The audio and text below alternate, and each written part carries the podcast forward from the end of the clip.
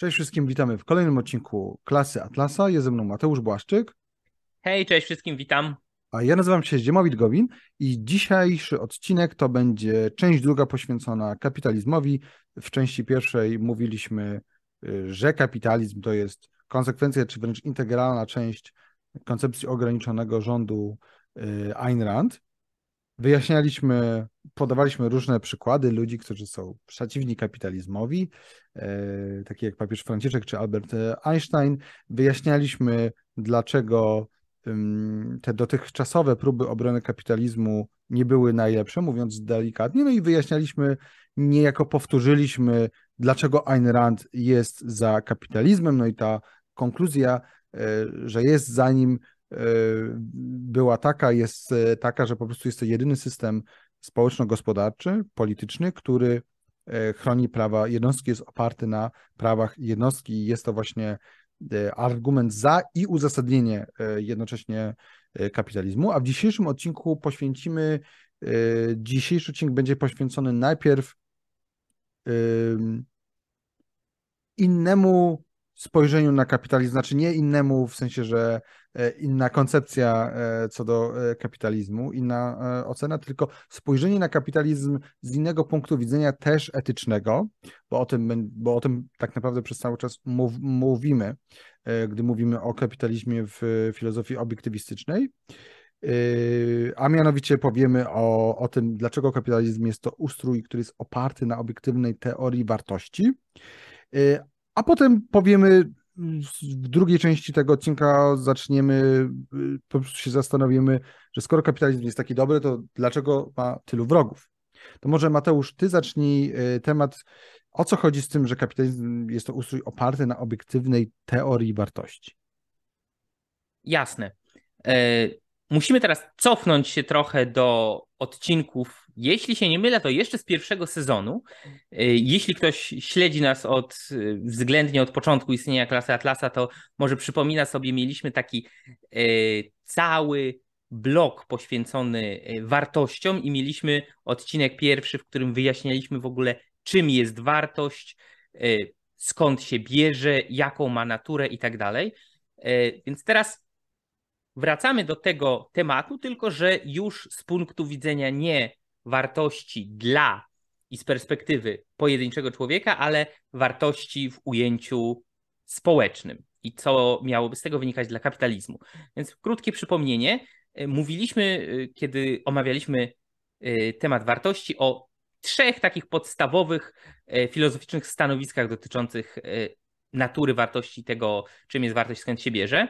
Pierwszym to był tak zwany intrinsycyzm, po polsku nie ma dobrego, krótkiego, jednosłownego tłumaczenia. Intrinsycyzm e, raczej nie funkcjonuje. E, tłumaczone dosłowne to dotyczy, że jest coś wewnątrz, tak, wewnętrzna wartość. E, najczęściej mówi się o teorii wartości samych w sobie. Czyli mówiąc krótko, zgodnie z tym intrinsycyzm stanowiskiem, wartość, która jest właściwa jakiemuś obiektowi, jakiemuś X, wynika z samej natury tego X, z samej natury tej rzeczy, leży w niej. E, I ta wartość nie ma żadnego związku z tym, jaka jest relacja X względem jakiegoś podmiotu wartościującego. To tutaj powiem, że przykładem jest platonizm, gdzie jest idea dobra i, i w ogóle to, że te idee są niezależne od człowieka, niezależne od tego, one, one istnieją przed człowiekiem i są wieczne i e, tak dalej. Czasami można, od, można to nazwać wartościami absolutnymi, że one istnieją niezależnie od wszystkiego, sobie gdzieś fruwają w świecie platońskim. Podobną koncepcję miał też, e, miał też Mur. E, no i niektórzy mówią, że też podobna koncepcja, chociaż nie do końca jest, e, jeżeli chodzi o łączenie wartości moralnych z Bogiem, czyli że one są współtożsame z Bogiem albo są czymś, co jakby Bóg tworzy i w tym sensie są niezależne od człowieka. Oczywiście można mówić, że są zależne od pewnej świadomości, bo od świadomości Boga, ale względem człowieka są niezależne. E, więc, więc tym jest intrinsycyzm. E, drugim takim stanowiskiem, o którym też już mówiliśmy, jest e, subiektywizm, czyli e, przekonanie, że wartość właściwa jakiejś rzeczy, jakiemuś X wynika z subiektywnej arbitralnej oceny, jaką podmiot wartościujący, czyli de facto jakiś człowiek, e, czyni względem owego X. E, jest to coś danego i nieweryfikowalnego e, ponad stwierdzenie, że no, ktoś tak to ocenił. Czyli jeśli Iksiński stwierdza, że jedzenie jabłek jest dla niego bardziej wartościowe niż jedzenie pomarańczy, no to tyle. Nic więcej z tym nie możemy zrobić. On uz... E, dla niego jabłka stanowią wyższą wartość niż pomarańcze. Jeśli Ksiński stwierdza, że e, dawanie sobie w żyłę heroiny jest dla niego wyższą wartością niż wydawanie tych samych pieniędzy zamiast na heroinę to na e, jedzenie czy alimenty na dziecko, no to no tyle, tak? Tutaj w, tej, w, ramach tej teorii wartości e, ciężko powiedzieć cokolwiek więcej, prócz tego, że no, skoro ktoś tak to wartościuje, no to znaczy, że tak to jest. To jest de facto um, przełożenie faktycznych działań ludzi wartościujących dane rzeczy tak, a nie inaczej na teorię. Tak? Skoro tak jest, skoro tak ludzie robią, skoro w ten sposób ktoś wartościuje to, a ktoś inny inaczej, okej, okay. jedziemy dalej. Nie ma, nie ma co dalej tutaj e, z tym robić, więc mamy ten wartości same w sobie, ten intrinsycyzm, czyli wartości, które są niezależne od wszystkiego, istnieją w samym, e, w samym przedmiocie. Mamy subiektywizm, w którym w samym przedmiocie nie ma żadnych wartości e, i nie ma też żadnego obiektywnego miernika tych wartości, a po prostu kto co sobie uzna podmiot wartościujący, tak to będzie. No i mamy wreszcie trzeci, ten, który jest e, związany z filozofią obiektywizmu, którą tutaj omawiamy, czyli wartości w rozumieniu obiektywnym. E, obiektywizm wartości, a więc wartość wynika nie z cech danej rzeczy samej w sobie, nie z subiektywnego, arbitralnego, yy, związanego z emocjami i kaprysami yy, oceniania danej osoby, yy, która czyni tę ocenę względem jakiegoś X, tylko wartość obiektywna wynika z obiektywnej relacji między owym X a podmiotem wartościującym, czyli z tym, jak jakaś rzecz w sposób obiektywny, czyli niezależny od jego subiektywnego widzimisię, e, jak owa rzecz X w sposób obiektywny wpływa na podmiot wartościujący. Tak? Czyli jeśli człowiek jest e, spragniony i y, potrzebuje się napić i wiadomo, że woda jest mu niezbędna do życia, y, to w tym momencie woda w butelce będzie dla niego obiektywną wartością, ponieważ służy mu w sposób niezależny od jego subiektywnego chcieństwa. On może sobie mówić, nie, ta woda nie będzie dla mnie dobra, albo zamiast wody wolałbym heroinę, czy cokolwiek innego. Natomiast jeśli kona z głodu, kona z pragnienia, przepraszam, to ta woda jest obiektywnie dobra dla wartości e, ultimatywnej, jaką jest jego życie, o, o tym, dlaczego życie jest wartością ultimatywną i tak dalej, też mówiliśmy w pierwszym sezonie. Więc mamy te trzy e, podejścia co do wartości. I teraz, dlaczego, jak powiedzieliśmy na początku tego odcinka, kapitalizm jest e, ustrojem, który jest oparty e, w fundamentalny sposób, nawet jeśli implicite, e, na obiektywnej teorii wartości. Warto tu przytoczyć pewien cytat z eseju What is Capitalism, i może oddam głos Ziemowitowi. Cytuję. Spośród wszystkich systemów społecznych w historii ludzkości, kapitalizm jest jedynym systemem opartym na obiektywnej teorii wartości. Obiektywna teoria wartości jest jedyną teorią moralną nie do pogodzenia z rządami siły.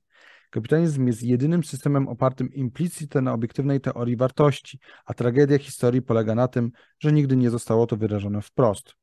Jeśli ktoś nie wie, że dobro jest obiektywne, to jest określone przez naturę rzeczywistości. Jeśli ktoś wie, przepraszam, jeśli ktoś wie, że dobro jest obiektywne, to jest określone przez naturę rzeczywistości, a odkrywalne przez ludzki umysł, to wie, że próba osiągnięcia dobra siłą fizyczną jest potworną sprzecznością, która neguje moralność u jej korzeni, niszcząc zdolność człowieka do rozpoznawania dobra.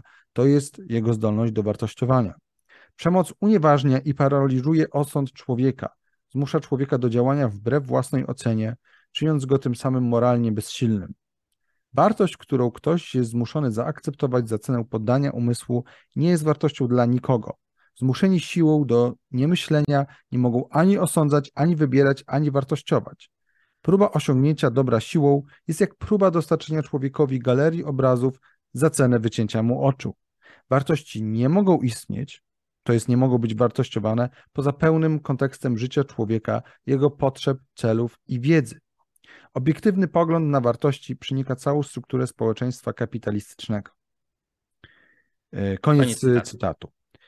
To teraz y, wyjaśnijmy, y, jest takie ważne dość rozróżnienie między filozoficzną, obiektywną wartością danej rzeczy, a społeczną, obiektywną wartością.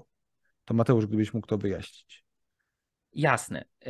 Skoro wartość jest obiektywna w ujęciu filozofii obiektywizmu i skoro owa obiektywność wartości stanowi jeden z fundamentów, przynajmniej ideowych fundamentów, nawet jeśli nie wprost wyrażonych, e, ustroju kapitalistycznego, no to jak teraz to rozumieć? Bo wyjaśniłem już e, i mówiliśmy o tym wcześniej w poprzednich odcinkach i sezonach, co to znaczy dla jednostki, natomiast jak to rozumieć z perspektywy społecznej. I Ayn Rand wprowadza to takie rozróżnienie. Znów można powiedzieć, że są aspekty tego, tej samej rzeczy albo rzeczy bardzo do siebie zbliżone, ale jednak warto je rozróżnić, ponieważ e, wyjaśniają, dlaczego nie chodzi tu tak naprawdę o subiektywne wartościowanie, tylko o wartościowanie, owszem, obiektywne, tylko że w kontekście społecznym. Mamy do czynienia z filozoficznie obiektywną wartością i społecznie obiektywną wartością. Przykładowo, w kontekście filozoficznym, w pewnym abstrakcyjnym, Y, na tyle, na ile to możliwe, uniwersalnym kontekście, gdybyśmy chcieli rozważać, co jest jaką wartością dla ludzkiego życia, to możemy do, dokonać pewnych ocen, takich jak na przykład piecyk gazowy albo kuchenka gazowa jest dla człowieka obiektywnie wyższą wartością niż zapałka. W tej chwili kontekście y, życia, y, miejsca i czasu dla człowieka XXI wieku. Samolot jest filozo z filozoficznego punktu widzenia obiektywnie wyższą wartością dla ludzkiego życia jako takiego niż rower, czy wrotki, czy rolki.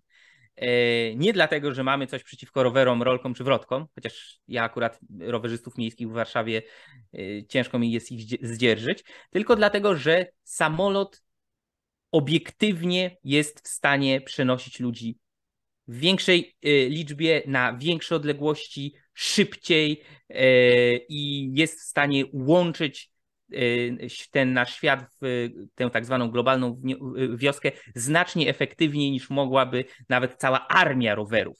Tak? To po prostu są fakty. Sprawdzalne, mierzalne, weryfikowalne fakty. Gdybyśmy dzisiaj, w tej chwili, zlikwidowali wszystkie rowery na świecie i dzisiaj w tej chwili zlikwidowali wszystkie samoloty na świecie, świat i y, zdecydowana większość y, pojedynczych ludzi na tym świecie znacznie bardziej odczułaby zniknięcie wszystkich samolotów, nawet jeśli ci ludzie nie, sami nie korzystają z samolotów, nie są pilotami ani nawet pasażerami, z prostej przyczyny, y, ponieważ samoloty dostarczają ludzi, towary i tak dalej, i tak dalej, tak?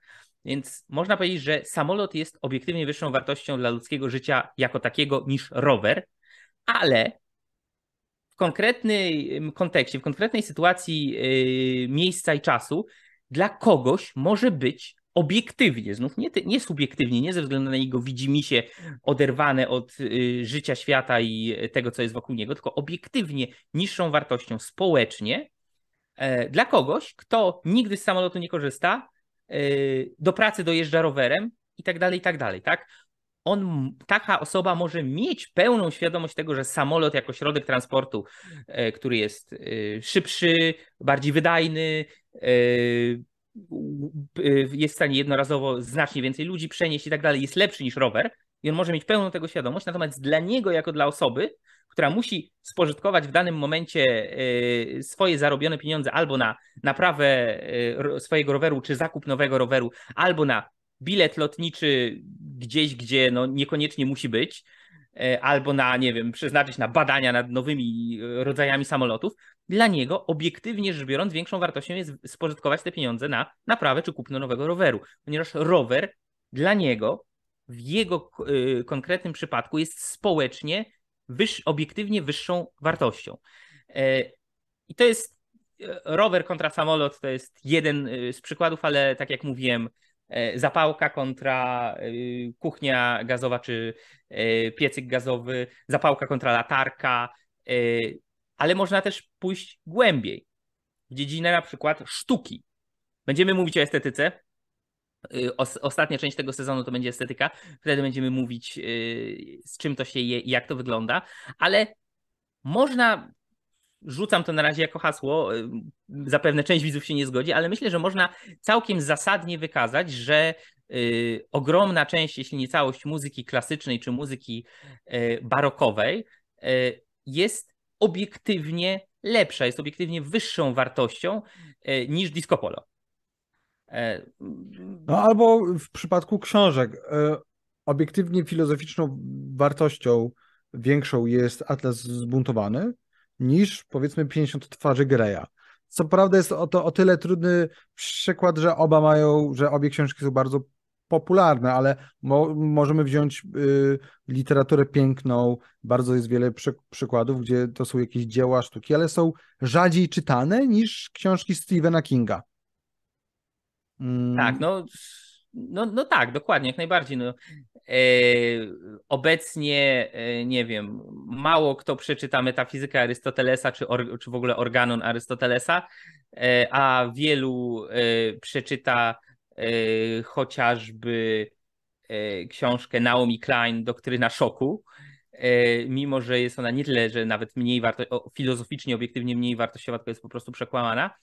Natomiast z tego nie wynika, że owa filozoficznie, obiektywnie większa wartość przekłada się w jakiś sposób, czy to na prawo, czy możliwość e, do przymuszenia ludzi do tego, aby wybierali obiektywnie większą wartość, e, czy e, przekłada się w jakikolwiek sposób na prawo do podważania ich osądów w kontekście ich życia i kontekstu miejsca i czasu y, tego, gdzie oni są i co robią. Tak, i to no. i Rand, Rand podaje taki, moim zdaniem, bardzo dobry przykład, który to obrazowuje w taki mocny sposób. Dla człowieka, którego nie stać na buty, nie ma znaczenia to, że latamy w kosmos. Mimo, że latanie w kosmos jest obiektywnie dla większości z nas mega ważne, potencjalnie bardzo ważne, no dzięki temu jest GPS i cała masa innych e, rzeczy, być może w przyszłości będą to e, być może jakaś kolonizacja Marsa, czy tam czegoś e, innego, ale dla człowieka, którego nie stać na buty, to nie ma znaczenia, więc z tego punktu widzenia jest niemoralne, żeby jemu zabierać pieniądze, żeby je potem przeznaczać na jakieś badania dotyczące wysyłania rakiet w kosmos, jakiegoś nowego napędu i tak dalej. Tak, no y, co głodne, co y, umierającemu y, z głodu po najwspanialszym nawet koncercie w Operze Narodowej, tak? Niewiele. No tutaj jeszcze jeden pozwolę sobie przykład podać, który sama Rand podawała w eseju właśnie What is Capitalism. Szminka kontra mikroskop, czy nawet bym powiedział szminka kontra w ogóle jakieś urządzenia E, przydatne w nauce i w medycynie. E, ogólnie rzecz biorąc, mikroskop czy inne e, urządzenia laboratoryjne albo medyczne są zdecydowanie wyższą, filozoficznie rzecz biorąc, obiektywnie wyższą wartością dla człowieka jako takiego. Bez, gdyby szminki nie istniały, to może oprócz tych szminek takich leczniczych na pierzchnięte usta, takich pomadek, ale gdyby nie istniały szminki takie typowo nazwijmy sobie zdobnicze, tak, szminki, które mają poprawić e, wygląd ust, no Część kobiet może miałaby e, większy problem z robieniem makijażu, e, część osób może nie wyglądałaby tak dobrze, jakby chciała, ale świat by się od tego nie zawalił. Gdyby nie istniały mikroskopy, aparatura medyczna, aparatura naukowa, byłoby bardzo, bardzo, bardzo źle. Potencjalnie setki tysięcy, jeśli nie miliony ludzi. Nie, no bez mikroskopu miliony. To w, w ogóle miliony nie ma co ludzi gadać. by umarły, tak? To byłaby tragedia. E, więc szminka, filozoficznie rzecz biorąc, jest obiektywnie mniej wartościowa niż mikroskop albo inna aparatura. Co Natomiast, nie zmienia faktu... No, dobra, powiedz ty, sorry. Natomiast społecznie dla konkretnej osoby, dla y, konkretnej pani, która pracuje y, od 9 do 17 w jakimś biurze, albo która jest ekspedientką w sklepie, owa szminka może stanowić obiektywnie większą wartość i jest dla niej obiektywnie lepszą decyzją przeznaczyć pieniądze na zakup szminki niż na finansowanie jakiegoś e, programu e, nowych mikroskopów albo badań nad nowym sprzętem medycznym czy czegokolwiek takiego, ponieważ ona dzięki temu, że ma tą szminkę, może e, się upiększyć, może wyglądać przynajmniej w swoich oczach lepiej, może być pewniejsza siebie, może zamaskować, nie wiem, jakąś tam drobną opryszczkę, która jej wyskoczy, cokolwiek innego i tak dalej, i tak dalej. A mikroskop, no nigdy z niego nie skorzysta tak samo jak z aparatury medycznej i tak dalej. Ale oczywiście, tak jak wszystkie wartości, to jest kontekstowe. Gdyby ta sama y, pani pracująca w biurze albo ekspedientka zachorowała i potrzebowała zrobić sobie badania krwi albo jakiekolwiek inne badanie, do których potrzebny jest mikroskop czy inna aparatura medyczna albo laboratoryjna, to owszem, już wówczas przeznaczanie pieniędzy na szminki zamiast na pójście do lekarza yy, i użycie tego mikroskopu czy innej aparatury będzie obiektywnie złym wyborem i yy, wyborem mniejszej, niższej wartości niż wartość szminki. Ale na tym między innymi polega yy, wielkość wolnorynkowego kapitalizmu, że wolnorynkowy kapitalizm, jak to ujęła Ayn Rand, jest w pewnym sensie nauczycielem. Za dobro wynagradza, za złe karze. Niekoniecznie natychmiast i niekoniecznie wprost, ale kapitalizm ma to do siebie, że nagradza racjonalne, rozumne, sensowne decyzje, a karze wszystkie inne. I to nagradza tych, którzy podejmują racjonalne, rozsądne decyzje, a karze tych, którzy podejmują głupie. Yy, w przeciwieństwie do yy, innych ustrojów, w których całokształt yy, spada na całe społeczeństwo. Tak? Na przykład głupia decyzja wyborcy w demokracji wpływa nie tylko na niego i odbija się nie tylko na nim, ale na wszystkich innych, którzy muszą cierpieć ze względu na jego głupi wybór. No dobrze, to Mateusz, ja mam takie pytanie do ciebie, bo na pewno myślę, że większość z naszych słuchaczy, gdy nas słucha i my mówimy o tej obiektywnej teorii wartości, tym rozróżnieniu na filozoficzną obiektywną wartość, na społecznie obiektywną e, wartość, My, myślę, że większość, a przynajmniej część z, nas, z naszych słuchaczy jest zaznajomiona z e, tak zwaną subiektywną teorią wartości, która jest promowana przez Austriacką Szkołę Ekonomii, e, no, zgodnie z którą, która dotyczy nie, nie tyle wartości w sensie moralnym, co wartości w sensie moglibyśmy powiedzieć, cenowym danego produktu. Tak? I jest to koncepcja, która idzie na przekór myśleniu, że wartość danego produktu bierze się z tego, ile pracy w to włożyłem. Tak? To jest ten znany e, argument, no, że przecież e, co z tego, że kopię rów przez cały dzień i, jestem super zmachany, jak w ogóle ten rów jest niepotrzebny. Albo e, co mi po diamencie na pustyni, kiedy nie mogę się napić wody i że szklanka wody będzie dla mnie o wiele ważniejsza od tego wielkiego diamentu, który, który mam, więc stąd się wzięła subiektywna teoria wartości. I mam pytanie do ciebie w imieniu tych y, widzów. Jak to się ma? Czy to, jest, czy to stoi w sprzeczności z tym, co Rand mówi w przypadku obiektywnych, te, ob, obiektywnych wartości? Czy to się jakoś ze sobą kłóci? E, powiedziałbym, że tak długo, jak długo każda dziedzina pozostaje w swoich ramach, e, to nie tylko się ze sobą nie kłóci, ale jest e, i spójne, co najwyżej samo nazewnictwo może prowadzić do jakiejś konfuzji. Co mam na myśli, każda dziedzina pozostaje w swoich ramach. Czyli kiedy filozofia zajmuje się tym, co filozoficzne, a ekonomia zajmuje się tym, co ekonomiczne. Często, gęsto zdarza się, że ludzie związani z jedną dziedziną robią wycieczki mniej lub bardziej udane w kierunku drugiej. Natomiast jest ta różnica pomiędzy tym, o czym mówiliśmy, czyli e, pomiędzy pojęciem wartości w ujęciu filozoficznym e, i ujęciem wartości w ujęciu ekonomicznym. E, ujęcie subiektywistyczna teoria wartości, czyli ta zapoczątkowana e, od Mengera e, w drugiej połowie XIX wieku, od tak zwanej rewolucji marginalistycznej w ekonomii, mówi de facto tyle.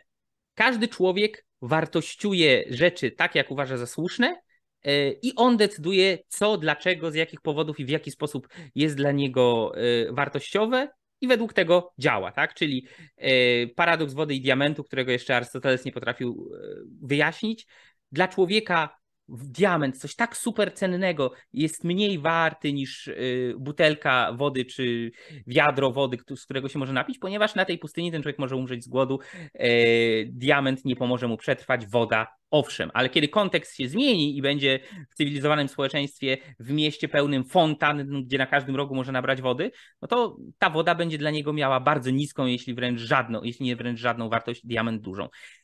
Tyle, że ta subiektywist, tak zwana subiektywistyczna teoria wartości e, w ekonomii jest tak naprawdę opisowa. Ona mówi, w jaki sposób ludzie wartościują, czyli że mają swoje subiektywne, a przekładając to może na bardziej e, nasze Randowskie terminy, bardziej indywidualne powody i kryteria, dla których coś wartościują, i one są dla nich wyłącznym wyłącznym czynnikiem, który biorą pod uwagę, kiedy wartościują coś X, nie jakieś wewnętrzne, ukryte wartości tego X, które w magiczny sposób na nich wpływają, tylko to, co, jak oni to rozpoznają, słusznie bądź nie, i oni to wartościują i dzięki temu y, później mogą stwierdzić, to jest, ma większą wartość, to mniejszą, to jeszcze mniejszą, to jeszcze mniejszą y, i później wchodzi, wchodzi w grę wymiana między nimi, cały system cen i tak dalej, i tak dalej, i tak dalej. Ale to jest opisowa E, teoria. Natomiast filozofia zajmuje się nie tylko tym, e, co jest, czyli jak ludzie się zachowują, ale też tym, co być może i powinno,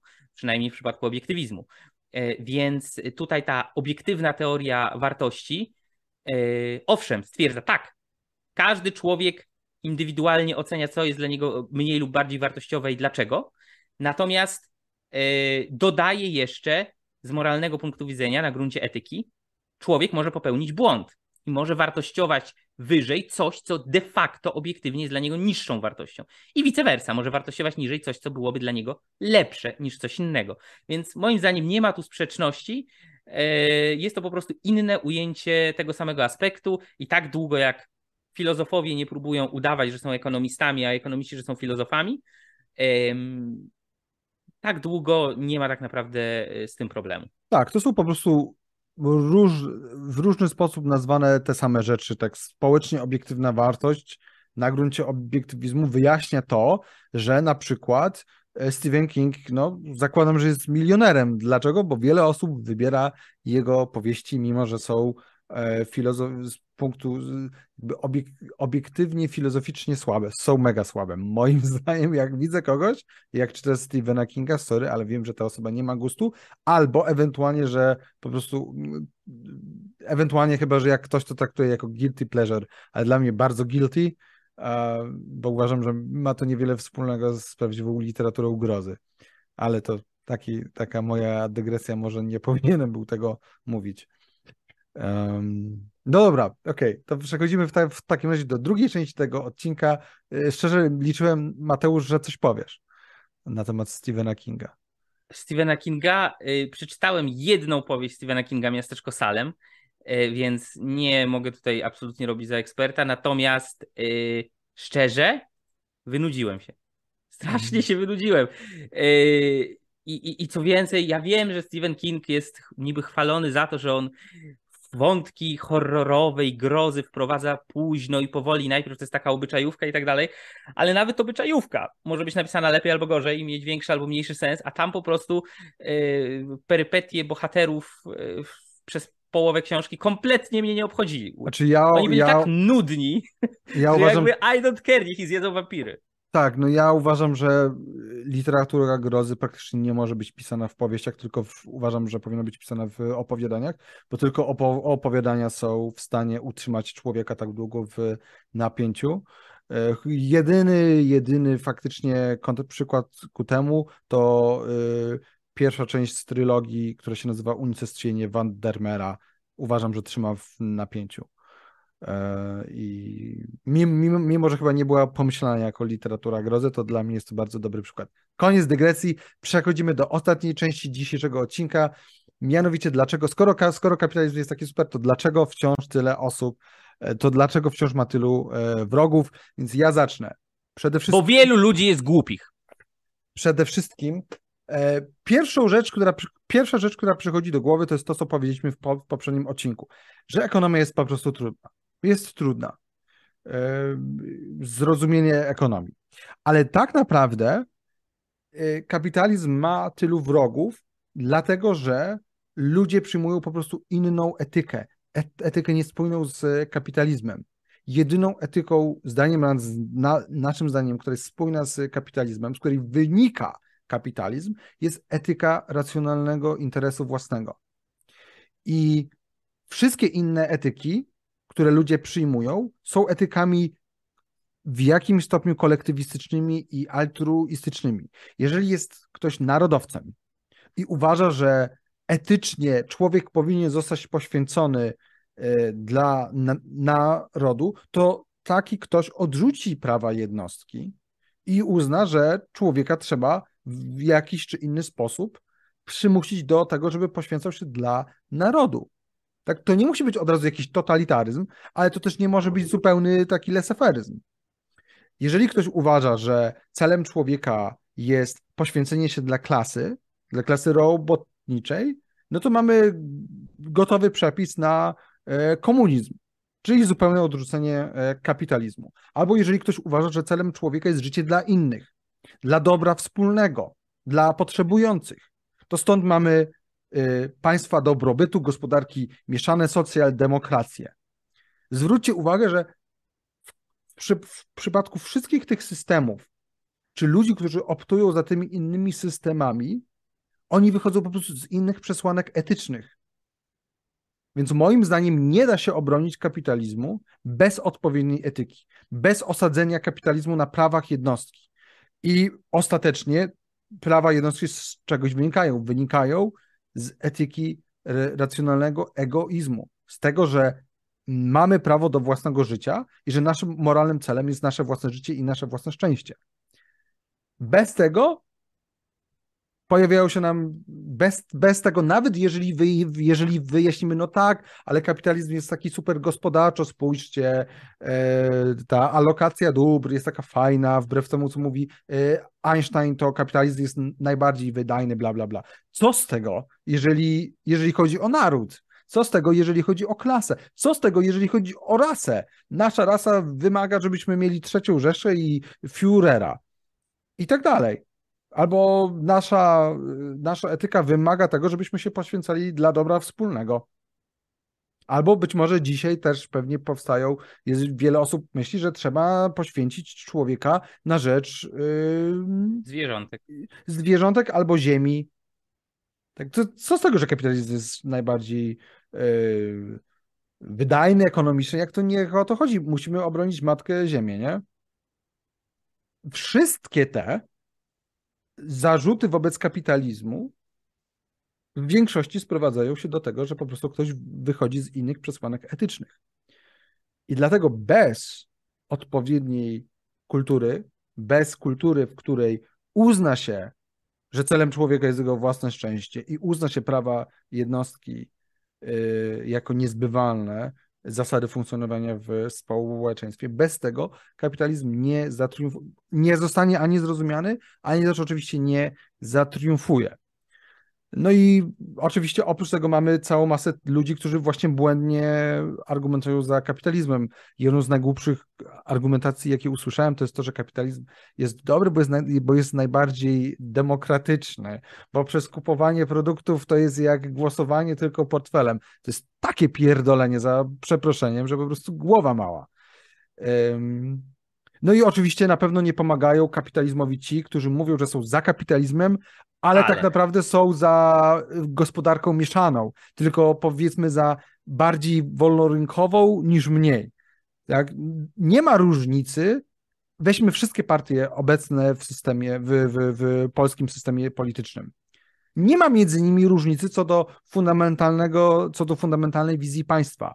To są wszystko zwolennicy gospodarki mieszanej w taki czy inny sposób.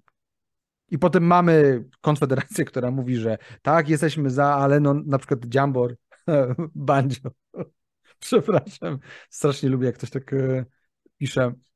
mówi, że no, ponieważ jestem przeciwko aborcji, no to faktycznie trzeba by mieć jakieś fundusze dla matek, które urodzą dzieci, z, które są tam uszkodzone, tak? No bo tak, mamy całe uzasadnienie, ale że jednak 500 plus tak, że jednak coś tam tak, że jednak jakaś e, kontrola rządu tak. Więc nie pomagają nam ludzie, którzy dają argumenty bez sensu i nie pomagają nam ludzie, którzy nawet nie postulują kapitalizmu. I potem ludziom się wydaje, że to, co mamy za, za oknem u nas w Polsce, to jest e, kapitalizm. Tak, jest, jest taka zasada, to stary kardynał Richelieu, wiecie, ten z Francji Ludwika XIII i z tego, z trzech muszkieterów Dima. E, on miał takie powiedzenie, że e, Panie Boże, ochroń mnie przed przyjaciółmi, z wami poradzę sobie sam. I coś w tym jest. Nie ma nic gorszego niż fałszywy sojusznik i fałszywy łże obrońca kapitalizmu, który trochę tak, ale no dobrze, ale jednak tu, y, no okej, okay, zgadzam się z tobą, 6 na 10, ale pozostałe 4, no to tutaj rząd musi przyjść i uregulować albo cokolwiek innego. A takich przypadków jest y, wiele. I ja się zgadzam z Dziemowitem, że jeśli chodzi o dzisiejsze partie polityczne w parlamencie, możemy próbować stopniować ich zło, ale w zasadzie wszystkie jak jeden mąż faktycznie są to są y, mistycy, kolektywiści, altruiści, etatyści. No. Tak. Taka, tak. taka trój, czwórca. Tak, y, więc. No i nacjonaliści. No, I nacjonaliści. Więc niestety jest, y, jest pod tym względem słabo, bo nawet ci, którzy mają dobre intencje i chcieliby rzeczywiście, nazwijmy sobie, czują, czują pismo nocem, czują, że ten kapitalizm jest czymś dobrym i czują w ogóle, że wolność osobista i gospodarcza jest czymś dobrym, nie mają bardzo często intelektualnego albo filozoficznego zaplecza i aparatu pojęciowego, aby móc samym sobie, nie mówiąc już o innych, e, spójnej, wewnętrznie niesprzecznej formie to przedstawić e, i sprzedać i pokazać, tak? I pod tym względem, no, fajnie by było, gdyby nasz podcast oglądało więcej ludzi. E, jeśli możecie kogoś, komuś udostępnić, zaszerować i tak dalej, polecić, e, zachęcamy, bo. Ale zgodzisz się, Mateusz, z tym, że jednak fundamentalnym problemem jest po prostu to, że. Etyka. Mhm. E etyka. Czyli, tak. czyli wszystko to, o czym mówimy, że żeby zmienić świat politycznie długotrwale, bo nie chodzi o to, żeby przyszła jedna partia, która nagle wprowadza jakieś tam częściowe wolnorynkowe zmiany, albo nawet przeprowadzić jakąś super rewolucję wolnorynkową i niemalże Minie nagle dekada z dnia i... na dzień, tak, to, to to i tak będzie krótkotrwałe. Do wprowadzenia kapitalizmu potrzebna jest zmiana tak. filozoficzna, zmiana no, po prostu etyczna. Bardzo dobrym przykładem, y, który, na który sama Ayn Rand się powoływała, są, y, jest początek Stanów Zjednoczonych, tak? E, próba wprowadzenia w Deklaracji Niepodległości, w Konstytucji, w Bill of Rights pewnych zasad, które chronią niezbywalne prawa jednostki, ograniczają wszechwładzę i arbitralność rządu e, i e, rugują przemoc z relacji międzyludzkich, ale bez głębokiego zastanowienia, jak, dlaczego, w jaki sposób, wobec czego od razu już na wstępie pojawiły się rysy, które później zaczęły się powiększać, powiększać i cała struktura zaczyna pękać. Więc no niestety nie ma drogi na skróty. Trzeba zmienić kulturę, trzeba zmienić sposób myślenia ludzi, yy, trzeba przedstawić im pozytywną wizję etyki, pozytywną wizję polityki i pozytywną wizję kapitalizmu wobec tego, yy, bo tylko to może dać długotrwały sukces. Tak jest. W kolejnym odcinku zakończymy mówienie o bez, bez, jakby bezpośrednie, e, bez, bez, bezpośrednie omówienie koncepcji ograniczonego rządu. Teraz skończyliśmy mówić o kapitalizmie. Przejdziemy do pytania, skoro rand jest przeciwko podatkom, to jak ma być finansowany rząd zgodnie z jej koncepcją? Finansowanie rządu w wolnym społeczeństwie. Finansowanie rządu w wolnym społeczeństwie, a potem przejdziemy do anarchizmu, anarchokapitalizmu, socjalizmu i interwencjonizmu. Więc widzimy się za tydzień. Dziękujemy za dzisiaj. Trzymajcie się. Cześć. Trzymajcie się. Cześć.